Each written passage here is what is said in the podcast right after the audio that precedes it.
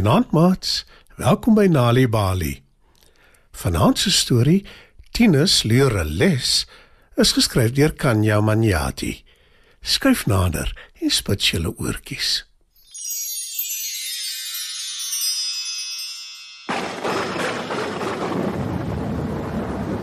Donder weer brul en weerligstrale flits. Tinus kruip onder sy bed weg. Hy lê reg teen die muur om seker te maak niemand sien hom nie. Dit voel asof sy hart by sy keel wil uitspring. Toe 'n weerligstraal die ou boom in sy buurman meneer Noudee se erf tref, gee hy 'n klein bang gilletjie.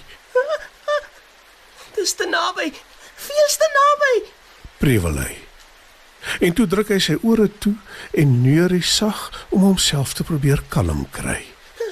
Weerlig probeer by my uitkom. Sê Tinus. Hy het reeds vir sy ouers vertel dat die weerlig hom probeer seermaak, maar hulle het hom natuurlik nie geglo nie, Dis net jou verbeelding, Tinus. het sy ma gesê. En hy kon sien sy probeer hard om nie uit te bars van die lag nie, maar dit is waar. Dit weet hy. Dit het 'n ruk gelede begin. Hy het op sy rug op die grasperk in hulle tuin gelê en 'n pragtige klein wit wolkie dopgehou. Dit is een van sy gunsteling tydverdrywe om na wolke te kyk. En dis toe dat Tinus 'n stormwolk al nader en nader na hom toe sien beweeg. Die wolk is donkergrys en hy kan die vonke sien spat soos wat die weerlig regmaak om strale grond toe te gooi. Dis vreemd. Wat het skielik van die ander wolke geword? Daar is nie gewoonlik net een donker stormwolk nie. Die klein wolk is al 'n hele ruk in die lug. Iets is fout hier. sê Tinus. Hy knyp sy oë toe en dink aan al die ander kere wat hy wolke dopgehou het. En toe sien hy 'n flikkering in die klein wit wolkie. Die wolk lyk asof dit vol kersliggies is. Wat is seker weerlig. Merk Tinus op. En toe begin hy lag. Wat 'n lawwe klein wolkie. Dis nie eers regtig 'n behoorlike stormwolk nie. Totaal belaglik. sê hy en roep Hou tog op, klein wolkie. Jy kan nie 'n storm bring nie, al probeer jy hoe hard. Jy is regtig net pateties en jy flous niemand nie.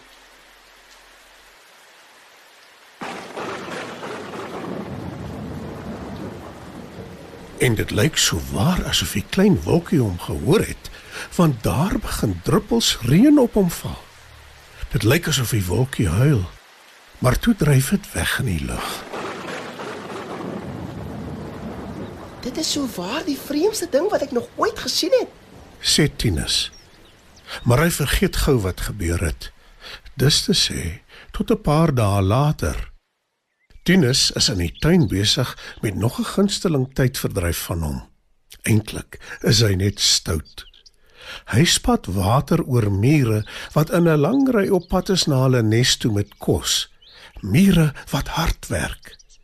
Tinus pla hulle en verhinder hulle om hulle werk te doen. Maar toe skielik hang daar 'n donker skaduwee oor hom.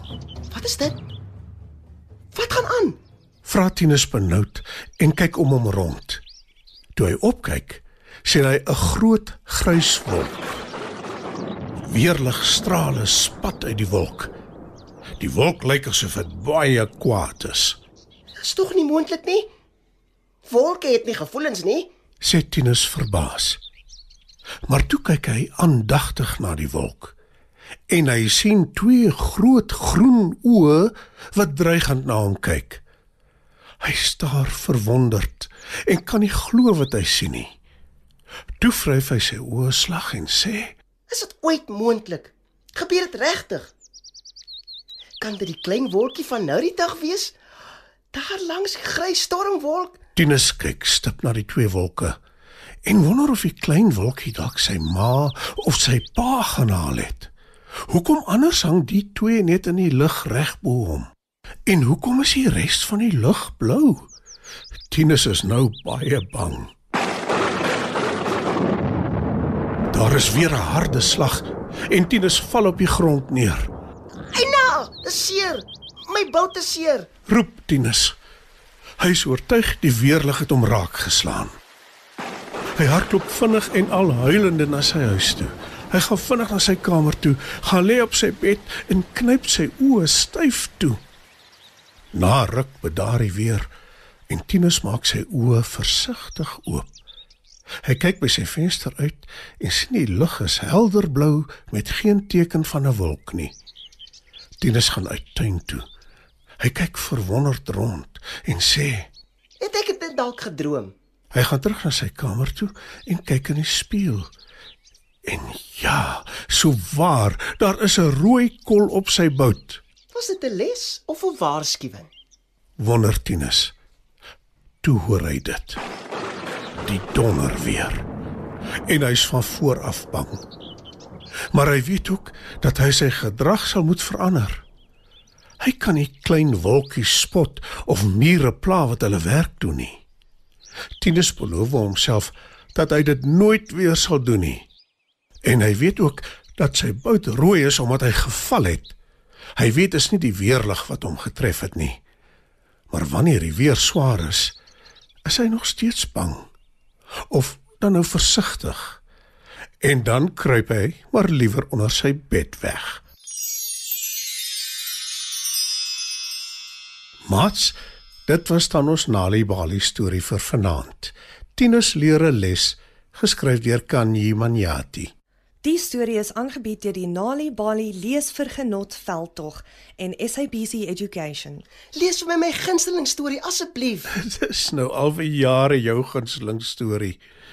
Nou goed, gaan haal die boek. Dis in die boekrak. Dan lees ek dit vir jou. Kinders geniet dit om oor en oor na stories te luister. Kry jou gratis Nali Bali koerant bylae by 'n deelnemende poskantoor. En besoek www.nalibali.org/skuinstreep post office vir meer besonderhede. Nali Bali. Dit begin met 'n storie.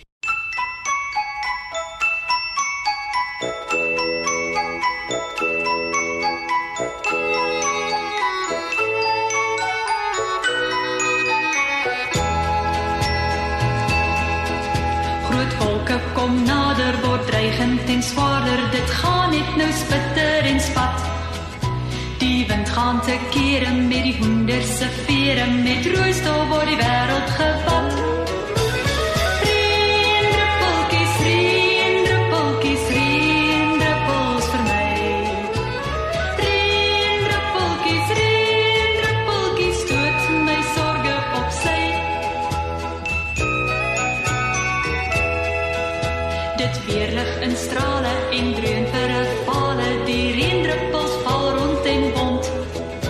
Dit raas en dit kletter selfs die korrels word vetter en spierwit lê die haal op die grond. Reendruppeltjies, reendruppeltjies, reendruppels vir my. Reendruppeltjies, reendruppeltjies stoot my sorge op sy. Dit sou soos dit neerstort, die damme sal vol word die droogte het ons leer bespaar. Beslis heel wat later sal die kinders weer skater en kaalvoet in die waterbaan.